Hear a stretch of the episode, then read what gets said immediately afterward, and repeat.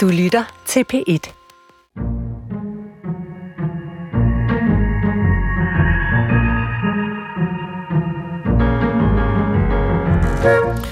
Der findes bøger, der gør en særligt indineret, og for mig så er det altså bøger om mennesker, der ikke får det, de har fortjent. Det kan være mennesker, der ikke bliver anerkendt, men bliver forbigået til fordel for nogen, der er halv så dygtige. Og øh, min indignation kan måske skyldes, at det, øh, det har jeg prøvet flere gange selv. Altså det her med, at andre, der var mindre dygtige og mindre kreative, de stjal opmærksomheden og tog æren for meget af mit arbejde. Og det er vi nok en del, der har prøvet i løbet af vores arbejdsliv. Men øh, prøv nu at forestille dig, at du gør en virkelig, virkelig vigtig videnskabelig opdagelse, altså noget, der ændrer menneskets forståelse af kloden, og at du så mødes af tavshed. At ingen anerkender dig, og andre får de stillinger og udmærkelser, som du skulle have haft. Det skete for øh, videnskabskvinden Inge Lehmann, der opdagede, at jorden har en fast kerne, og hende kan du møde i en ny dansk roman, der giver hende oprejsning. Og som om det ikke var nok, så sender vi også en anden overset dansk videnskabskvinde på banen i dag. Det er Marie Hammer, der beviste, at verdens kontinenter på et tidspunkt hang sammen som et. Så velkommen til øh, skønlitteratur på P1, der denne gang bedriver det, de på engelsk kalder her story, altså historieskrivning, hvor kvinders betydning trækkes frem, her, frem for øh, det mere traditionelle history, his story, hvor manden er drivkraften bag al forandring og opdagelse. Jeg er din vært og hedder Nana Mogensen. Velkommen indenfor. Ja, i dag der står øh, programmet i De glemte danske videnskabskvinders tegn, og øh, Inge Lehmann er hovedperson i din nye roman, Den Inderste Kerne. Lotte K. Andersen, velkommen til. Tak skal du have. Vi skal tale øh, videre om Inge Lehmann lige om lidt, men øh, senere i udsendelsen, der kan du høre et interview med forfatteren Eva Tind, der er aktuel med den roman, der hedder Kvinden, der samlede verden. Og den handler om den danske zoolog Marie Hammer, der var nogenlunde samtidig med Inge Lehmann. Og lige nu, der sidder jeg faktisk med øh, en øh, kæmpestor bog, der hedder øh, Kvinde, kend din historie. Øh, spejl der i fortiden. Den er skrevet af Gry Jeksen og udkommet på Gyldendal, øh, hvor hun altså prøver at trække glemte kvinder inden for rigtig mange discipliner øh, frem i historien. Og den her tendens med at give glemte kvinder plads, den er ret stor for tiden. Altså Luciana, Kunstmuseet Luciana havde en udstilling om glemte kvinder fra avantgarden, Øh, senere i år så har Statens Museum for Kunst en, øh, en ret stor udstilling om øh, øh, kvindelige politiske kunstnere. Øh, og jeg har det sådan, at jeg synes, det er, øh, altså det er rigtig, rigtig godt, at de her kvinder får anerkendelse for deres bidrag til kunst og videnskab. Men man skal samtidig huske, at det jo er individer. Det er ikke bare sådan en fælles brun masse øh, af kvinder, og det øh, vil lytterne også altså få at opleve i dag, når vi taler om de her to videnskabskvinder, Inge Lehmann og Marie Hammer, som på mange måder er ens, og på mange måder er de altså også rigtig forskellige. Men øh, lad os øh, komme i gang, fordi øh, det skal handle om Inge Lehmann. Og jeg kan sige til lytterne, at hun blev født i 1888, og hun døde i 1993, så altså et, et meget langt øh, liv. Hvordan blev du opmærksom på, at hun overhovedet fandtes, øh, Lotte K. Andersen, når hun nu var overset og glemt? Jamen, jeg havde heller ikke hørt om hende, men nogle gange så kan man jo være så heldig at få en stor, spektakulær historie serveret ind øh, af døren en tirsdag eftermiddag. Det var det, der skete for mig. Øh, min yngste søn, Alexander, kom hjem fra skole en dag og sagde, mor, øh, ved du forresten godt, det var Christoffers mormor, der opfandt jordens indre. og der var meget ved den sætning, som, som jeg ikke lige forstod. Og så gav jeg mig til at læse øh, og undersøge, og så finder jeg ud af, at Christoffer Lehmann fra min søns klasse faktisk er i familie med en dansk matematiker og jordskælvsforsker, som rent faktisk opdagede, at jorden har en indre kerne. Og det var Inge Lehmann? Det var Inge Lehmann.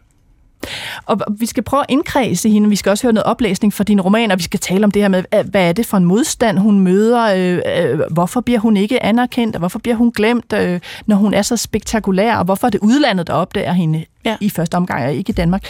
Men øh, for at indkredse det, øh, så bad jeg dig om at tage nogle genstande med, og det har du virkelig taget ja. bogstaveligt, fordi hele bordet foran dig øh, øh, flyder med ting, som på en eller anden måde har været knyttet til Inge Lehmann. Og det første, jeg får øje på over hos dig, det er en kæmpe stor økse. Ja. Hvad er det for en økse? Det er en isøkse. Som er, øh, skal jeg beskrive for lytterne, altså et par hvad? Et par meter eller sådan noget? den er eller... i hvert fald meget lang og besværlig at have med i en kuffert gennem byen. Men øh, ja, den er i hvert fald over en meter, ikke? Ja. Jeg skal sige, at det er en rigtig god isøkse. Det er ikke en hvilken som helst. Det er en højkvalitets isøkse med kernelæder, øh, beskyttelse og altså det der er med grund til at jeg har taget den med altså alle de her ting foran mig ser jeg som sådan et landkort over Inge Lehmanns liv. Og isøksen er med til at understrege hvor modsætningsfyldt hvor mange facetter hun har. Hun er hun er på den ene altså hun er et højt begavet matematisk talent. Hun er meget følsom. Øh, hun har altså når jeg tænker på Inge Lehmann så tænker jeg på handlekraft autonomi og nervøse sammenbrud. Altså hun rummer det. Hun rummer så mange forskellige ting. Hun er hun, hun har på en måde det hele. Øh, så, øh, så, så, så når hun ikke nørdede øh, seismologi, øh, så, så, så kunne hun lide at bestige bjerge. Hun rejste rundt til Norge, Sverige og i Alperne og, og besteg meget høje bjerge øh, og alene. Så hun havde sådan noget toughness, eller sådan en vis øh, indre hårdhed også? Hun var meget robust og samtidig meget skrøbelig. Ja, fordi en af de ting, der er særlig ved, øh, ved romanen, det er også, at den jo den tegner ikke et entydigt billede af et menneske. Altså, der er også det med, at hun øh, melder sig til en meget svær eksamen i Cambridge i ja. matematik, og hun får på en eller anden måde, hun rejser derover og, og prøver at studere, og opdager, at, at kvinder kan faktisk ikke komme Nej. Øh, ind og få samme undervisning som mænd, så det er temmelig svært, udover eksamen er svær. Og mm. så får hun en eller anden form for sammenbrud. Hun er nødt til at rejse hjem. Hun kan, ja. hun kan ikke magte det. Så der er både den del, der lykkes, og den del, der må give op. Ja, og det har jeg gerne vil vise i romanen. Øhm, ved at... Ja, altså...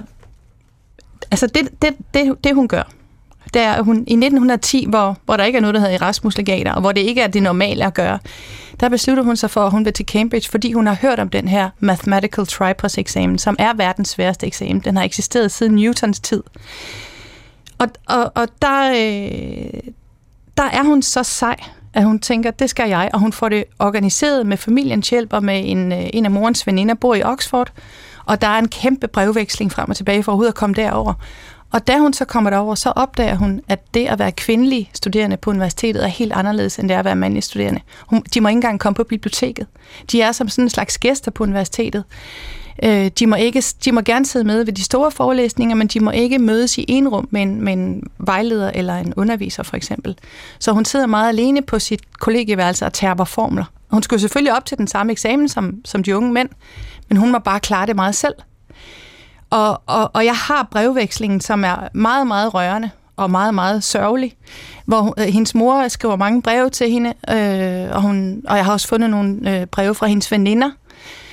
Øh, så hun kæmper med det her. Hun er søvnløs, hun kan ikke spise, øh, men hun, vil, hun, er, hun er perfektionist. Hun er ekstremt ambitiøs og perfektionistisk og vil gøre det her godt. Og man skal også huske på, at det har været dyrt.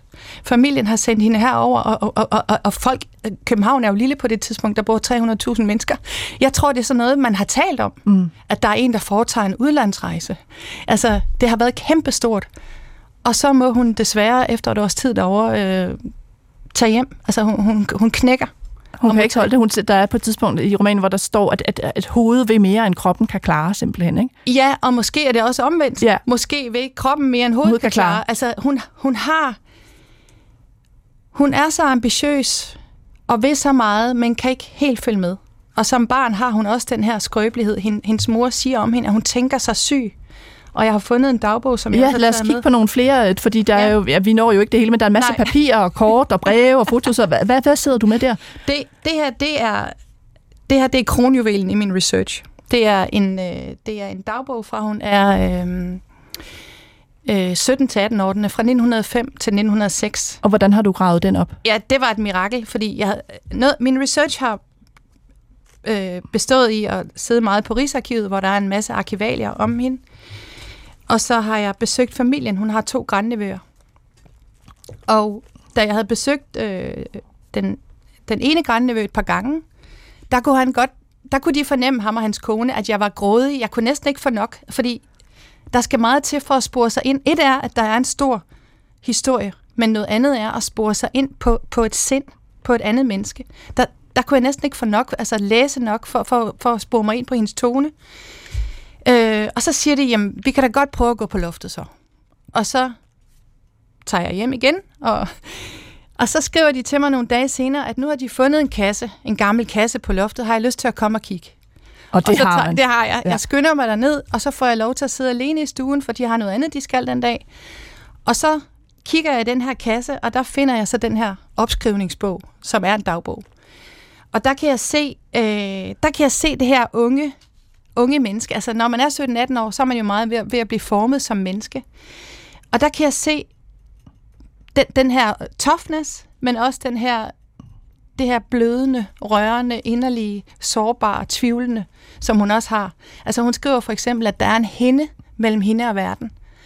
Øhm, øh, og hun skriver om udlængsel. Hende og hendes veninde Ebba øh, drømmer om at rejse. Men som hendes veninde, øh, hendes veninde siger så, ja, altså, gid jeg var blevet en mand, så var jeg blevet opdagelsesrejsende. Så, så, så det, det er nogle piger, der, der, der har de samme håb og forventninger og drømme til, øh, til deres liv, som, som drenge selvfølgelig har, men som bare på en måde bare må indse, at det kan nok ikke lade sig gøre. De må ligesom affinde sig. Og hun, altså man kan sige det om Inge Lehmann, og det, øh, romanen følger øh, hende fra, fra, fra barndommen, og så øh, faktisk helt ind, ind til Ja. døden, ikke? og det er jo Ja. et mere end 100-årigt liv. Ja. Øhm, og man kan sige, at, øh, det der også gjorde mig lidt glad ved at læse den, øh, er, at hun piker sent. Altså det er Ja. muligt at pike sent, og, Ja. og hun bliver først rigtig opdaget som den gode forsker, hun er, altså af USA, af udlandet. Det er faktisk efter hun er pensioneret, hun får alle de her forskerrejser til USA. Ja. Øhm, så det er muligt.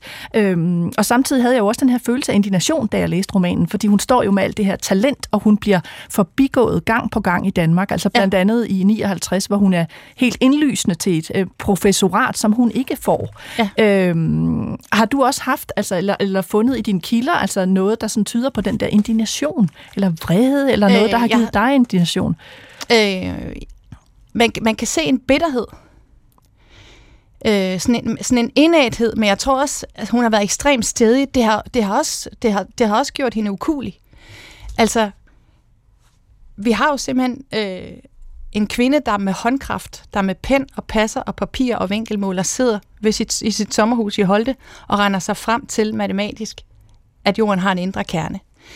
Øhm, så og, og, og, da, og da hendes teori så kommer ud, hvor, hvor, hun, hvor hun skriver det her, der er der tavshed. Ja, det er 1936. Det er Hun- Hun, hun, 1936. der tør hun publicere efter Ja. at have kunne forske i sin to ugers sommerferie, og så ellers som søndag. Ja, hun Ikke? er For- fritidsforsker, fordi der ikke er, hun, er, hun, er, hun er ansat som statsgeodet på Geodatisk Institut, men der er ikke plads. Hendes chef giver hende ikke plads til at forske, eller tid til at forske. Så hun gør det. Øh, hun, hun, altså, hun, hun, hun tager det bare i sine egne hænder så, og, og forsker i sin fritid. Så hun sidder altså deroppe og nørder selv, øhm, og udgiver sin artikel under signaturen I. Lehmann for at være kønsneutral. Men folk finder jo hurtigt ud af, at det er en kvinde, der har publiceret den her artikel, og, og, og så, hun bliver ikke engang mødt med et ramaskrig, Nej. øh, men hun bliver mødt med tavshed. For, og det, hun gør, er så vanvittigt. Altså, på, på det tidspunkt, der mener man, at jorden har to lag. Der mener man, at jorden har et- en skorpe og en kappe, den vi går rundt på, og så en stor flydende kerne. Og det Inge Lehmann øh, med sit geni finder ud af, det er, at hun skyder en ekstra kerne ind, og så, så er der pludselig noget, der giver mening. Og, og, og, og hendes, øh, den måde, hun har defineret jorden på, er stadig den, øh, der tæller. Altså, hendes resultater er blivende. Skal vi ikke lige nå endnu en genstand? Jeg kan se et billede, der ligger foran dig, og det får Ja. jeg lyst til at... Og, Det er også mit yndlingsbillede af. Og hvad er det? Prøv lige at beskrive for lytterne, hvad det er. Altså, det er en masse herrer, der sidder med et bord, og... Ja, der, der sidder en masse videnskabsfolk, det er øh, i, i uniformer, ja, der er en, der sidder i uniform, og så er der en masse mænd i jakkesæt, og så ved et stort mahonibord på, ved sådan en konference. Og jeg har fundet ud af, at det er taget i 1927 på hende, den første gang, hun får lov til at tage til en konference. Og så sidder hun, hun er den eneste, der ikke har øjenkontakt med, med, med fotografen. Hun sidder lille og tynd og bleg og kigger ned i bordet. Og det siger også meget om hende. Altså, det, at hun sidder der som den eneste kvinde, og at hun ikke har øjenkontakt, og at altså, hun, er, hun, er, hun er meget sky og meget genert. Øh, og det er igen sådan en, en, en facet ved hende. Altså, som måske også, altså der er mange, jeg tror, der er mange grunde til, at, at øh, man ikke har fået øje på hende. Det er også hendes personlighed. Altså hun har ikke villet, hun har ikke villet være berømt. Hun har gerne vil anerkendes for sit arbejde, men hun er ikke sådan en, der har mødet sig frem. Hun har sagt nej tak, når hun er blevet inviteret til interviews af, af, af aviserne. Hun har ligesom haft foden på bolden, simpelthen. Vi skal høre et stykke fra din øh, roman, som, som øh, min kollega øh, Katarina Levkovic læser op lige om lidt. Øh, men jeg kunne godt tænke mig lige at runde det, fordi det handler om nemlig noget andet centralt i romanen, øh, som bliver også et tema. Inge Lehmann får aldrig øh, mand og børn. Hun Nej. får ikke familie, og, og, og, og i det stykke, vi skal høre, øh, er der en forlovelse, som kommer i stand, men som hun ender med at bryde. Hvad er dit bud på, at hun Øh, bryder den forlovelse, at hun ikke vælger familievejen til, fordi Marie Hammer, som vi skal møde senere, øh, den anden videnskabskvinde, altså hun følger sit begær, og der er mand og fire børn. Mm. Det gør Inge Lehmann ikke. Hvorfor Nej. gør hun ikke det? Det igen, altså det er som om alt med, alt med øh, Inge Lehmann er som sådan en æske, du åbner, og så er der en masse andre æsker indeni, fordi jeg kan faktisk se i hendes dagbog, og også i hendes senere korrespondence, hun har jo mange mandlige kolleger og venner, at hun er et meget lidenskabeligt menneske. Hun er faktisk rigtig glad for mænd, men hun kan ikke få de mænd, hun elsker. Allerede i dagbogen skriver hun om sin historielærer, som hun elsker højt. Men, men han ser jo ikke til hendes side. Han er gift og har barn, og, og i øvrigt også øh, flytter med alle de andre piger i, på den her skole. Men ja, på det her tidspunkt, altså da hun, da hun bliver forlovet, er hun nødt til at sige sin stilling op. Der arbejder hun som beregner på et forsikringsselskab. Der er hun nødt til at, altså på det tidspunkt siger du din stilling op, når du skal giftes. Og det tror jeg, hun indser, at det kan hun ikke leve med. Så hun hæver forlovelsen, og så indskriver hun sig igen ved Københavns Universitet for at tage anden del af den matematikeksamen, hun begynder på i 1907. Øhm, så, men jeg tror også, hun har været for klog. Jeg tror, hun har vidst, at hvis hun også skulle have en familie, så ville det være dobbeltarbejde. Og i øvrigt tror jeg også, at Inge Lehmann har nok at gøre med den familie, hun har. Altså, der er alt muligt drama i hendes familie, og hun, hun er forsørger. Hun må forsørge sin mor, og hun forsørger i perioder også sin søster. Så øh, jeg tror, hun har haft jeg tror, hun har vidst, at hvis hun skulle det her, så var hun nødt til at være meget disciplineret og fokuseret, hvis hun skulle have det til at lykkes, som hun gerne ville. Lotte K. Andersen, lad os lige prøve at høre et, øh, et stykke på sådan en, en, en fire minutters tid fra din roman. Det er lidt et sammendrag, øh, hvor vi altså hører om Inge Lehmann og forlovelsen og de tanker, hun gør sig. Vi er i øh, 1918 her, og det er som sagt Katarina Lefkovic, der læser.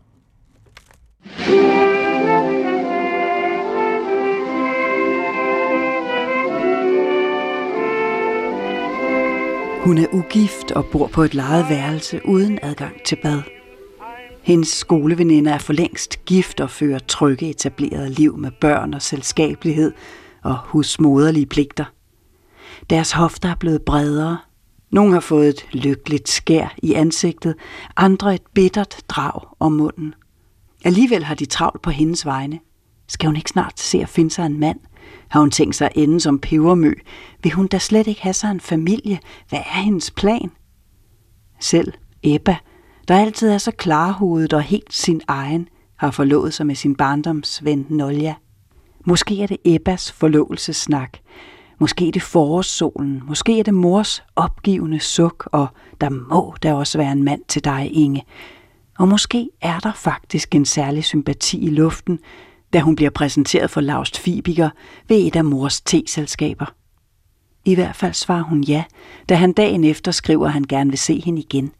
Har hun lyst til at spacere en tur næste søndag? I marts og april går de ture og drikker te. De taler om deres arbejde og lytter til opera på gramofonen. I maj forlover de sig. De har begge en alder, hvor der ikke er så meget betænkelse over. Hun er lige fyldt 30. De fejrer forlovelsen med en tur på Sortedam Sø i en af de små robåde. Hun sejlede ofte på floden i Cambridge. Hun kan lide at sidde ved årene, nyder at få båden og vandet til at arbejde sammen og gå i et, som en svømmer, der crawler gennem det våde element. Men Laust Fibiger har en anden plan. Lad mig, siger han galant og sætter sig til rette på toften – du, min ven, skal bare læne dig tilbage og nyde udsigten. Han smiler til hende med sine store, skæve tænder. Hun har ikke tænkt over hans tandstilling før nu, hvor han roer ud på søen med små overfladiske overtag. Sejladsen er abrupt og uden rytme. Indimellem holder Lars Fibiker en pause og lader båden drive let. Han ser sig omkring med hævet, begejstret øjenbryn og vinker til hende i agterranden, som om han er Odysseus på eventyr. Hun prøver at finde en passende holdning. Hendes ben er for lange til at sidde på bagtoften. Alting ville være nemmere, hvis hun kunne lade fingrene glide gennem vandet og kaste beundrende blikke mod sin forlovede.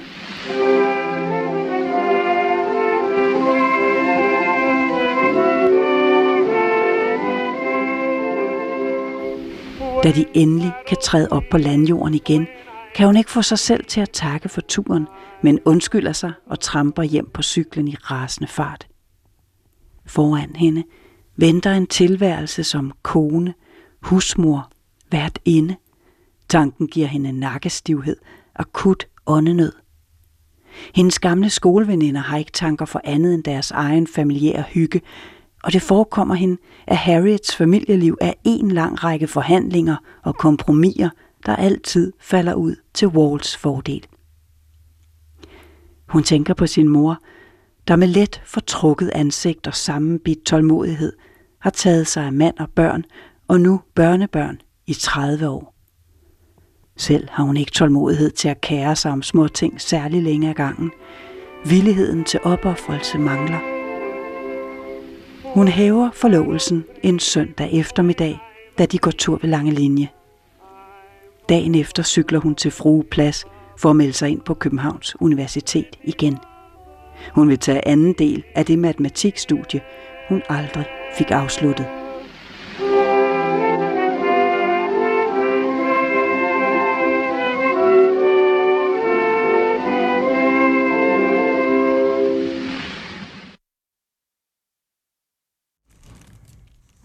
Et uddrag fra Lotte K. Andersens Den inderste kerne.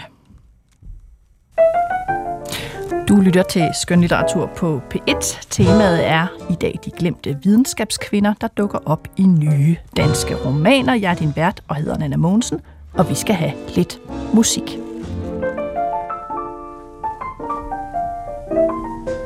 All of me, why not take all of me?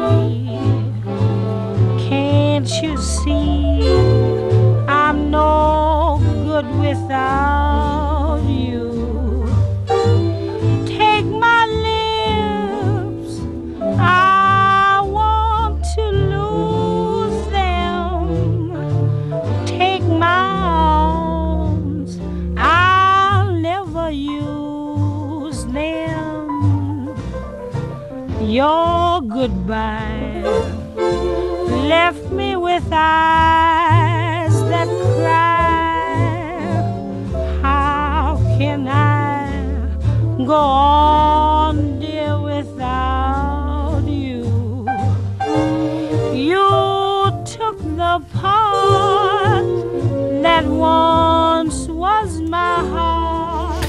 Lidt Billie Holiday med All of Me, og det øh, nummer spillede jeg, fordi at Inge Lehmann i romanen Den Eneste Kerne bliver præsenteret for jazz, som hun til sin egen overraskelse faktisk ender med at kunne lide.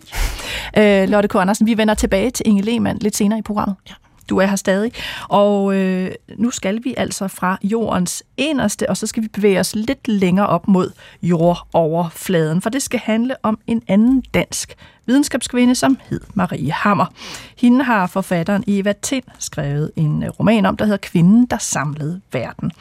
Og hvis man ikke lige kan huske, hvem var det nu Marie Hammer var, øh, så kan jeg sige, at hun er født i 1907, og så døde hun i 2002. Hun var øh, insekt forsker, og øh, hun forskede i de her bitte, bitte små dyr, der hedder mos, mosmider. Mosmider, ikke mosmider, men mosmider. Dem kan man ikke se med det blotte øje. Øh, hun brugte hele sit liv, Marie Hammer, på at rejse kloden rundt og studere de her meget små dyr, og de her fund, hun gør, er med til at bevise, at alle klodens kontinenter på et tidspunkt har hængt sammen.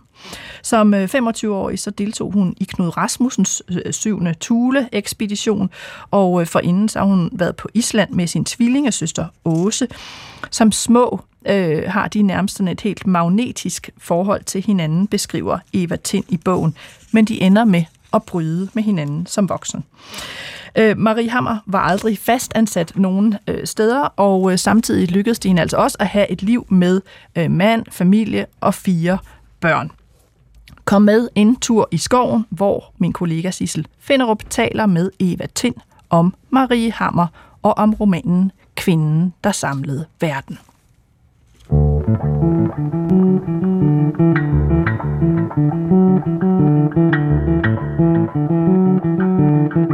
Den her øh, altså, øh, lille bitte kvinde, en lille bitte nederdel, som vandrer rundt alene på kloden og indsamler bitte små ting, som vi engang kan, rigtig kan se med øjet. Det er jo en, en, en, en fantastisk historie, at sådan en lille bitte stedig menneske, der ligesom bare bliver ved og ved og ved med at bruge. Altså hun vandrer jo rundt i, i 40-50 år og indsamler øh, bitte små prøver ikke, fra jorden.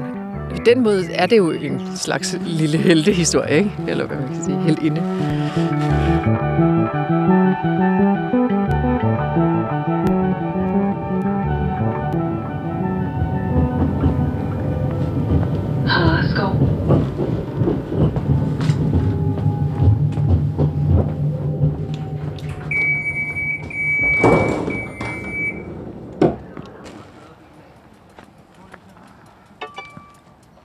Hej Eva. Hej. Nå, for søren.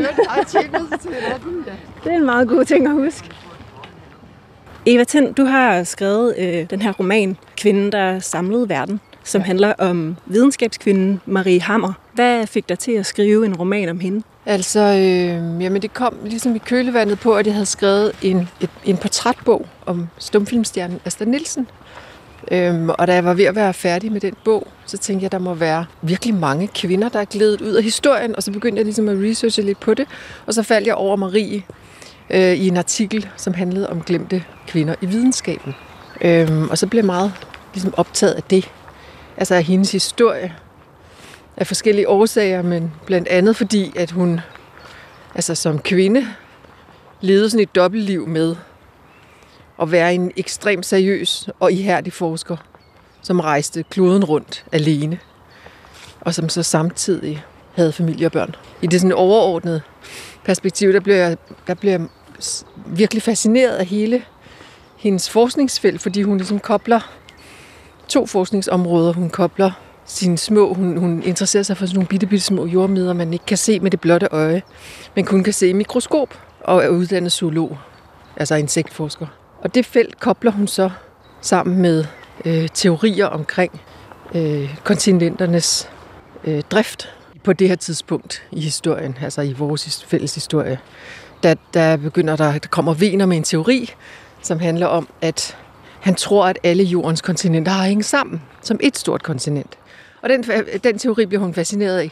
Og den kobler hun så ligesom med sin egen teori om, øh, hvad hedder det, omkring de her bitte, bitte små jordmidder, at hun måske ved at indsamle dem kan bevise, at alle kontinenter har hængt sammen. Øhm, så det der med, at hun ligesom tager noget bitte, bitte småt, usynligt for øjet, og med det forsøger at beskrive noget, som er så enormt, og som også er usynligt for øjet. Altså som hele jordens sammenhæng, alle jordens overflade sammenhæng. Ikke? Det synes jeg var en enorm smuk historie. Det, altså det, at man kan se det bitte, bitte små i det store, og det kæmpe store i det bitte små. Der er jo en del øh, stof, der er givet på forhånd, når man skriver om en, om en virkelig person. Hvordan vurderede du, hvilke huller, der skulle udfyldes af fantasi, og hvilke du kunne tage fra virkeligheden?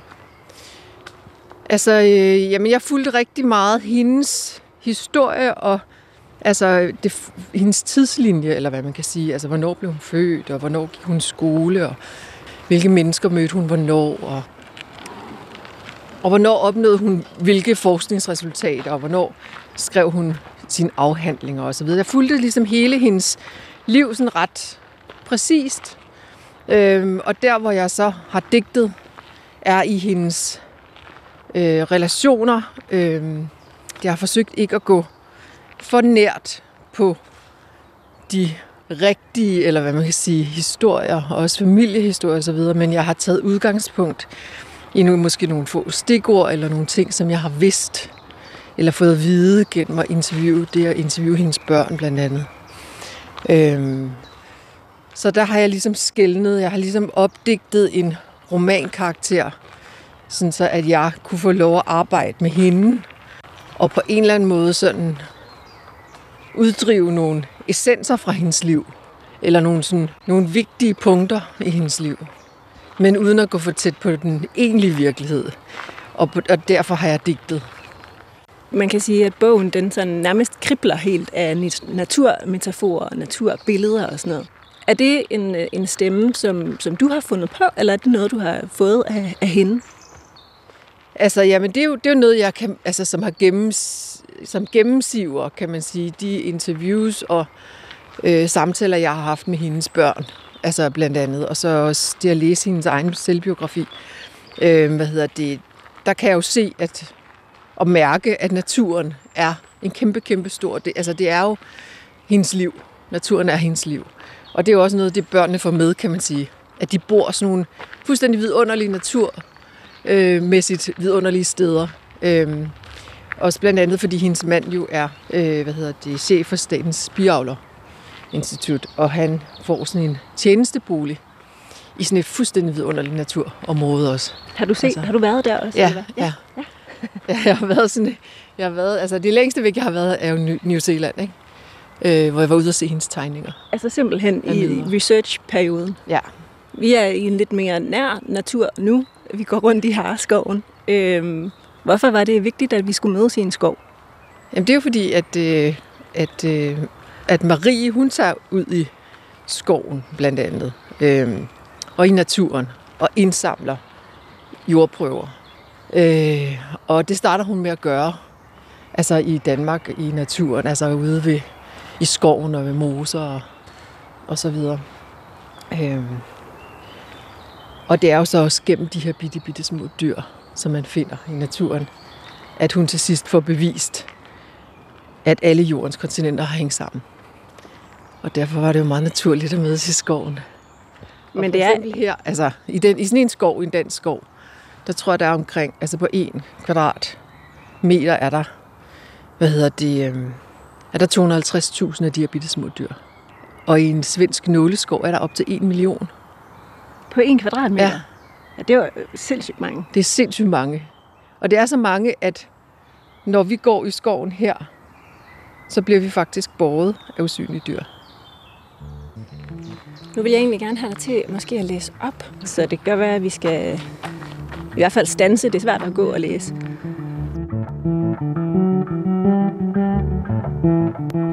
Laboratoriet på universitetet har ingen vinduer, Marie sidder foroverbøjet og sorterer de indsamlede smådyr. Hun uddrev af en lille skive jord, som hun skar ud af skovbunden i morges. Skiven er på størrelse med en kop, og flere af de dyr, hun uddriver, er så små, at de kun er synlige i mikroskop. I starten var hun overrasket over den kolossale store vrimmel af mosmider og springhaler, og hun samlede ivrigt alle jordens smådyr. Springhalerne har stor underholdningsværdi, de er synlige og kan, som navnet fortæller, springe. Flere andre forskere studerer dem allerede, hvilket gør, at Marie interesserer sig særligt for mosmiderne, der kun er 0,2 til 1 mm lange.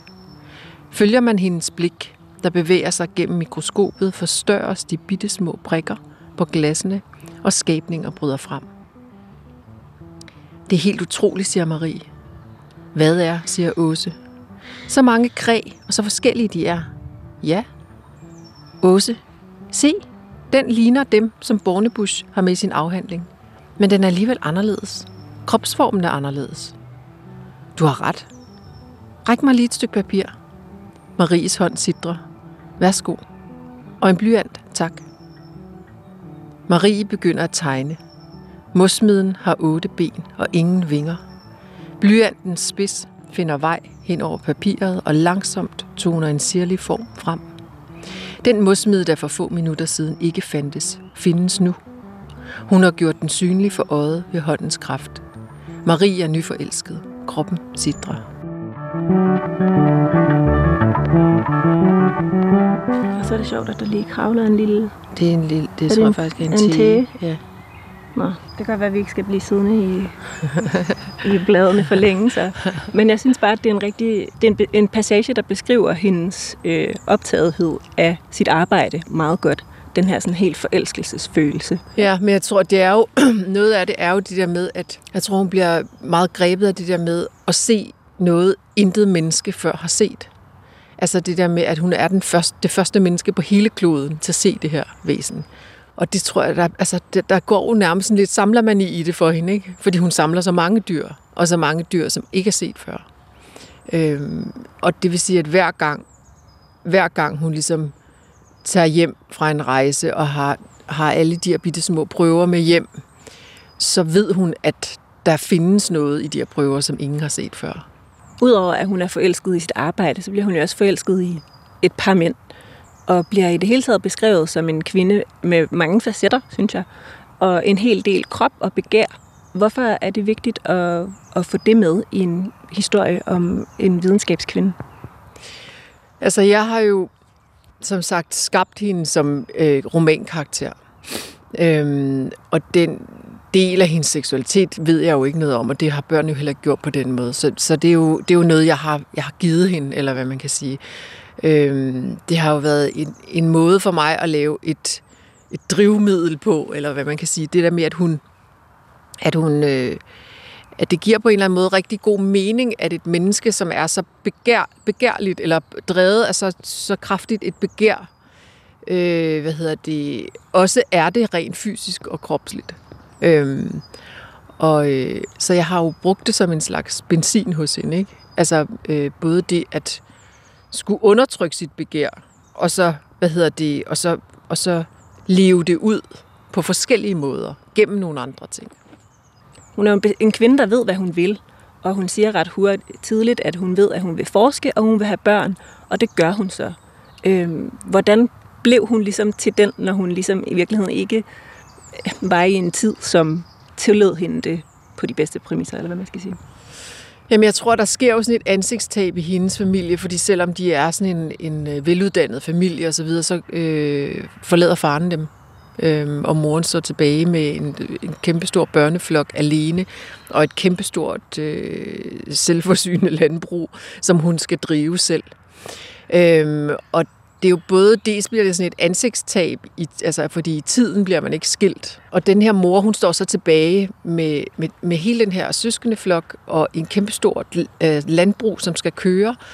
Øhm, og de bliver sat i arbejde, og, og hvad hedder det, øhm, og jeg tror, altså, jeg tror på mange måder, at meget af hendes også, altså, det er selvfølgelig også en del af hendes drivkraft kommer fra det, det at hun ved, at man kan klare sig selv og skabe alting selv. Øh, og at hun kan klare virkelig meget altså fysisk hårdt arbejde. Øh, det er jo noget af det, som ligesom gør, at hun, at hun, øh, at hun tror på sig selv, tror jeg, selvom hun er, er kvinde. Og så har hun mange søstre, som er meget stærke. Det- De bliver alle sammen virkelig... Øh, øh, får lange uddannelser og bliver advokater og læger og altså billedhugger og alt. Altså, de, øh, de udtrykker sig og uddanner sig, alle de her øh, piger. Øh, og jeg tror noget af det er selvfølgelig, at de har haft den her mor, som har været sådan en kraft, sådan et, nærmest sådan et stykke metal, eller hvad man kan sige, deres, i deres opvækst. Altså, øhm, og som på mange måder måske har formået at give dem så meget kærlighed, men har givet dem øh, troen på, at de kan klare sig. Hun slår mig ikke som en, som ville slå sig til tåls med ikke at blive hørt i historien, sådan som du beskriver hende. Hvorfor bliver hun så ikke hørt alligevel? Altså i tiden, hvis man kigger igennem alle gamle skrabbøger og så videre, så er, bliver hun hørt i tiden. Altså, der er masser, masser af artikler, kæmpestore artikler i aviser, ugeblade og hvad hedder det, øhm, og hver gang hun kommer hjem fra en ny rejse, så laver øh, pressen, altså, og flere øh, aviser osv., laver artikler om hende. Så man kan sige, at tiden bliver hun egentlig ikke overset. Hun får jo også en, øh, en stor pris og laver den her selvbiografi, og man kan sige, der hvor at, øh, altså grunden til, at vi så ikke kender hende, det er jo, at hun aldrig bliver skrevet ind i den officielle historie. Altså, så det vil sige, alle de udklip og ting, de forsvinder jo. Øhm, så hvis ikke man ligesom sørger for at få skrevet øh, mennesker ind i den fælles kollektiv historie, som er den, vi lærer børn i skolen og så videre, altså, så forsvinder det jo. Og vil du gerne have hende ind i den historie med din bog? Altså, jeg synes øh, helt sikkert på alle måder, at hun, øh, at hun øh, er et, øh, et historisk forbillede, som både handler om at, at sådan turde tro på det, man mærker i sig selv, at det er sandt, det man mærker fra sit indre, men også det der med at, og, og, og turde forfølge altså ens drøm eller ens, øh, ens idéer, selvom de måske umiddelbart virker vanvittige i tiden, eller hvad man kan sige, eller folk er, er, synes, at man er, er, er hvad hedder det, øhm, har, har, har fat i den helt gale ende. Og, og, og det er jo også i sin, sin helt store form, er det jo også, altså, øh, er det jo også historien om, om, altså om moder jord, ikke? Altså det handler om jord, og det handler om en kvinde, og det handler om at samle verden. Altså, så det bliver jo sådan på det, på det helt store plan jo også sådan en, en fortælling om os alle sammen som mor, som er jorden. Ja, det var min kollega Sissel Findrup, der havde talt med forfatter Eva Tind om romanen Kvinden, der samlede verden, og den er lige udkommet på Gyldendal. Jeg er tilbage her i studiet med Lotte K. Andersen, som øh, har øh, udsendt romanen Den inderste kerne, der handler om videnskabskvinden Inge Lehmann. Og nu har vi lige hørt indslaget her om, øh, om Marie Ham, og du har også læst begge romaner. Mm. Øh, der kan man jo se, at det på, på nogle måder er nogle meget forskellige kvinder. Altså Marie Hammer får familie, øh, hun kommer fra en fattig baggrund. Inge Lehmann kommer fra en mere velbjerget baggrund for ikke familie. Øh, Marie Hammer øh, opnår en eller anden form for kendthed eller anerkendelse i sin samtid, som Inge Lehmann øh, ikke får. Hun, hun møder forskellige former for modstand, Inge Lehmann. Øh, og det leder mig til, at vi i virkeligheden nok skal kigge på et par af de genstande, du har liggende på bordet for at, at forstå, hvad er det for en modstand, Inge Lehmann møder? Er den i tiden? Er den i hendes familie? Er den hos nogle konkrete personer? Du sidder med et brev. Hvad er det for et brev? Øh, jeg, jeg er lige nødt til at sige, at hun får faktisk, hun bliver faktisk verdensberømt i sin levetid, men, for, men det er amerikanerne, Det er amerikanerne, ja. Det er Hjemme ikke... bliver hun ikke anerkendt, før Nej. hun er 80. Ja. Men, så hun opnår heldigvis faktisk selv at, at vide, at, hun- at hun får succes. Men, Det- der er men det sådan en- sker meget sent. Det sker meget sent, og Meget, der, der er meget skøn scene, hvor de faktisk sender amerikanerne, altså privatchauffør for at hente hende, og hun er i høj alder, ikke? og så bliver hun nærmest fløjet privat til USA, ja. og hun tror, hun tror dårligt på det. Ja. Fordi nu har de, hun sender et, øh, de sender et US Air Force fly over for at hente hende, fordi de kan se hendes talent. Og, og man har ikke fået øjnene op for det i det øh, naturvidenskabelige miljø i København. Nej, der sidder hun i, i sådan et eller andet lille øh, skævt Ja, kontor, lille med, hjørnekontor. lille hjørnekontor og udfører oversætter opgaver for, for direktøren og, og, og alle mulige, altså, hvad skal Ja. man sige, mere øh, Ja. ja. intetsigende beregninger og sådan nogle ting. Ja. Men prøv, det brev, Ja. du har liggende der, det, jeg har et det er brev, ret. Øh, jeg har et brev fra hendes far. Altså, Inge Lehmann kommer jo af en, en, en, en veluddannet akademisk familie. Og hendes far er videnskabsmand. Han stifter Psykologisk Institut på, psyko- på øh, Københavns Universitet.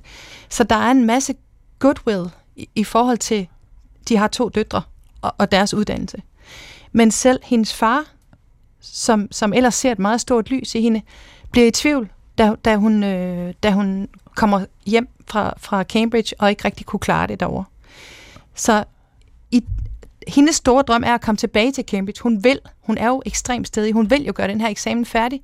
Men der skriver han en række breve til hende, hvor han, hvor han siger, jamen, Dr. Hassing, familiens læge, siger jo, at piger ikke kan tåle at studere. Øh, og så fortæller han om, øh, om den og den professor, han kender, som jo også siger, at, at, at unge kvinder kommer ofte på nerveklinikker, hvis de mener, at de skal læse.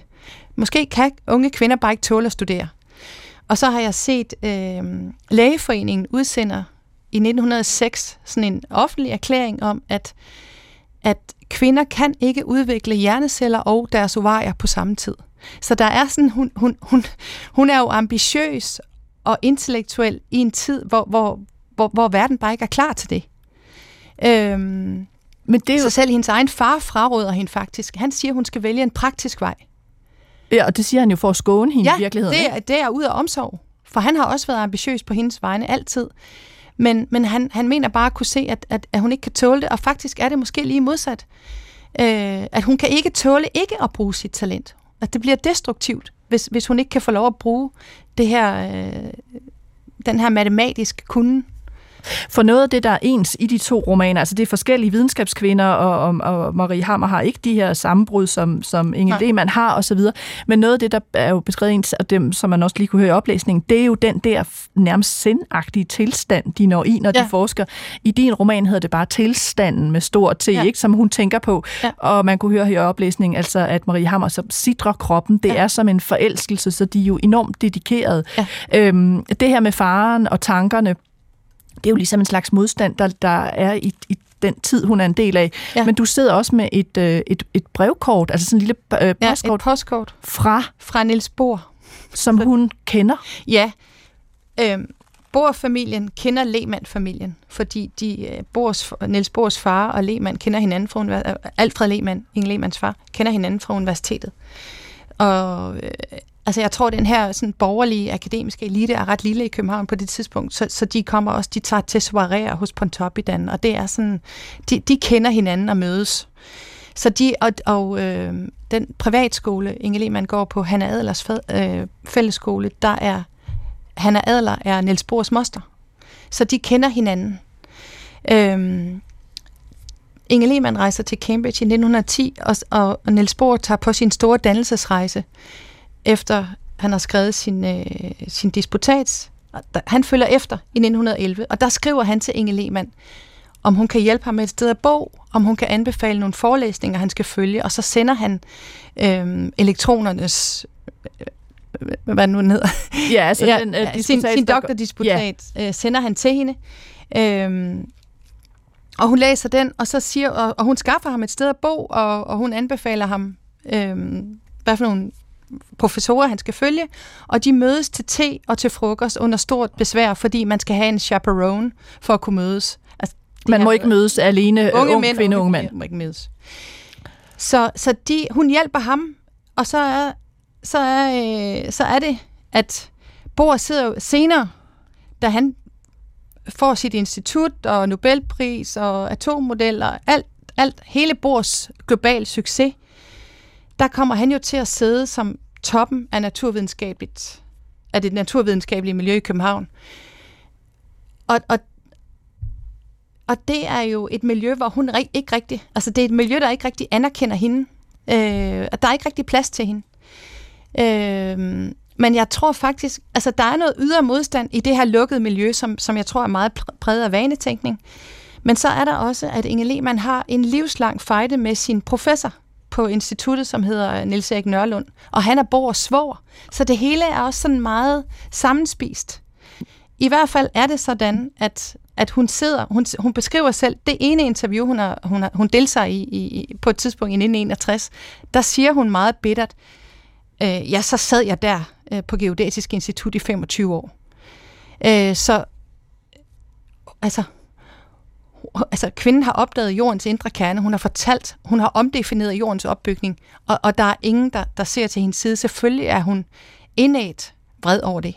Ja, fordi hun søger jo altså et professorat i 59, Ja, tror jeg det er. 52. 52, Ja. og øh, som hun øh, på sin vis jo egentlig er, øh, altså der står nærmest hendes navn på, og der sidder. Ja. Niels Bohr i bedømmelsesudvalget, ja. men holder på en anden kandidat. Jamen, han har sin egen kandidat, som, som er ekspert i magnetisme. Men der, altså, for det første, så sidder Niels Erik Nørlund, som hun har den her Fejden med. ja. Der er ikke plads til de to simpelthen samme sted. Han sidder også i bedømmelsesudvalget, og han er jo Bohrs svoger, så måske, altså, Bohr, Bohr er jo fysiker, øh, og, og hun er geodat, og professoratet er i geofysik, så det rummer begge dele. Og, og der lægger han måske vægt på geofysik, og hun lægger vægt på geo. Så jeg tror, der har været... Øh, der, jeg tror, der er forskellige grunde til, at hun ikke har fået det professorat. Hun var også oppe i årene på det tidspunkt, og, og, og Inge Lehmann er en stor solist. Hun er næsten eneforfatter til alle sine artikler. Måske har, hun, måske har man ment, at hun ikke havde evnerne til at samle studerende omkring sig. Måske har man ment, at hun var for gammel. Og så er der noget andet, at hun får aldrig skrevet en doktordisputat, selvom hun faktisk har alt stoffet til det. Øhm, Og hvad skriver Niels Bohr i, på postkortet? Jamen, han, han ønsker hende bare en glædelig jul. så det er meget øh, uskyldigt. Det er lige efter, hun er rejst hjem. Han har jo godt vidst, at hun har været syg, og hun rejser hjem fra Cambridge, og han bliver hængende, selvom han faktisk også synes, det er svært i Cambridge i starten. Men han, på borsk vis, møder han selvfølgelig Rutherford, som bærer ham videre til Manchester, og sammen, altså, og, og der kommer han så på sporet i 1912 af det, der fører ham til hans store atommodel i 13. Ja. Så altså, der er bare på en eller anden måde sådan en stråleglans omkring bord, og det er der bare ikke omkring Inge Lehmann, før amerikanerne henter hende over. Og der bliver hun så behandlet som en dronning, og, og får, har 20 gyldne år i Kanada og USA. Øh, Så der får hun det, altså der, der får hun på en måde, altså det hun har drømt om. Øhm, Lotte Connorsen, hvis vi hæver det lidt op, så kan man jo sige, ja, jeg understregede i starten, der er den her tendens Ja. med, at, at glemte kvinder bliver hævet frem, og det kan være i kunst, det kan være i videnskab. Mm. Øh, det er også en, en tendens, der på en eller anden måde kører på en indignation. Altså det er store kvinder. Øh, Rosenkær-prisen gik øh, i år sidste år til øh, øh, Birgitte Possing, som har brugt meget af sit forskerliv på at hive glemte kvinder frem, også øh, danske store kvinder. Øh, så det er en tendens. Men er det, øh, kan man sige, er det litteraturens rolle at, øh, at stå for det arbejde, eller hvad tænker du? Altså, jeg, det, det jeg tænker om det her, det er, at jeg, jeg vil dele det op, hvordan jeg ser det som skrivende, og hvordan jeg ser det som læser. Som skrivende må jeg sige, at for mit eget vedkommende, så er det tilfældigt. Det er tilfældigt, at jeg lige nu, øh, nu har jeg beskæftiget mig med Inge Lehmann i to og et halvt år. Og, og, og det var jo forårsaget af, at min søn kommer hjem og fortæller noget, og så ligger den idé og modner hos mig. Men det er ikke sådan en taktisk manøvre, nu vil jeg skrive noget. En- en tendens Nej, med- overhovedet nej. ikke. Det, det er fordi, det føles meget sandt og rigtigt og ægte for mig på det tidspunkt. At det så rammer ind i en bogsæson, hvor, hvor der er folk, der gør det samme, det, det ser jeg som et tilfælde. Men når jeg så som læser øh, trækker mig tilbage og ser på det, så synes jeg, det er enormt forfriskende. Altså jeg ser det som sådan en ny oplys- løs- oplysningstid, som, som, som, jeg, som jeg er lykkelig over at sker. Altså det her med, at vi, øh, at vi ser tilbage på store personligheder og, og kan lære af det. Og, øh, men så samtidig, så vil jeg også sige, at at jeg, det, det, det er jo også sket, altså det er jo noget, der har foregået, altså for eksempel så har jeg, jeg, jeg har altid elsket Torkild Hansen, så, som allerede i 60'erne, altså han skriver jo den her slags romaner, og har altid gjort det. Per Olof Enqvist har altid skrevet den her type romaner. Altså det der med baseret på, på historiske ja, hvor man, kilder. hvor man, hvor man, hvor man tager noget dokumentarisk materiale, skriver øh, på en sand historie. Øh, og, og den type historie har jeg altid holdt af. Jeg har altid øh, elsket at, at høre om store personligheder og, og deres øh, vej gennem livet. Og det er sådan set lige meget, om det er en, øh, en matematiker, eller en musiker, eller en fodboldspiller. Altså selv ting, jeg ikke... Fodbold vil jeg ikke normalt interessere mig for, men det, der interesserer mig, det er et menneske. Hvad, hvad driver et menneske? Hvad, hvordan bliver et menneske skabt? Hvordan, hvordan, øh, hvordan, altså det her med en personlighed, og, og, og hvordan, hvordan folder man et potentiale ud? Hvad det, så, hvad det potentiale så end er. Altså, Men helt kort her til sidst kan man jo også sige, det er jo så påfaldende, at det er kvinder, øh, kvindelige forfattere og skribenter, Ja. ja. der genopdager kvinder. Ja. Altså hvad enten det er i forskning eller i, øh, i skønlitteratur. altså, for mig er det naturligt. Altså, jeg har sådan en, en, en, en identifikation med, med Inge Lehmann, og, og jeg bliver harm på hendes vegne. Jeg bliver vred over, at, at der ikke er blevet taget hånd om hende. Hvor, hvor hendes kolleger er blevet båret frem og fået scholarships og er blevet set og har fået altså uendelige muligheder. Der har hun simpelthen som sådan en stille kriger skulle skyde sig igennem. Og, og jeg bliver vred over, at, over de odds, hun har haft. Øh, samtidig med, at jeg sidder og hæpper på hende, at, at, at hun gør det. At hun, at hun er så stedig og flittig og disciplineret, og at hun ikke lader sig slå ud. At hun vælger eventyret, da amerikanerne kommer og, og spørger, om- om, hun vil med over. Og først siger hun jo nej, fordi hun tænker, ej, jeg kan ikke klare rejsen, jeg er også ved at blive gammel, måske skal jeg bare tage til Holte og passe min have. Men hun vælger det. Hun, hun går med eventyret alligevel. Lotte Conradsen, øh, fantastiske sidste ord jo, ikke? Ja. Øh, godt at slutte af med noget vrede og indignation. Jeg skal sige tak, fordi du var med i dag. Tak fordi jeg måtte. Og så skal jeg lige øh, huske at sige igen, at øh, din roman altså hedder Den Inderste Kerne, og den er udkommet på forlaget Gudkendt. Så er skønlitteratur på P1 ved at være slut for denne gang. Jeg hedder Nana Mogensen og var din vært, og jeg fik hjælp af Steffen Klint, Katinka Pol og Sissel Finop. Husk, at du kan skrive til mig på litteratur I næste uge er jeg tilbage med et tema om årets udenlandske debutant. Han hedder Douglas Stewart. Det skal handle om romanen Shuggy Bane som er blevet en litterær sensation. Meget mere om det næste uge. Og vi slutter af med lidt øh, musik, apropos dagens tema om videnskabskvinder, der opdager nye ting om jorden. Det her er selvfølgelig kloden drejer vi.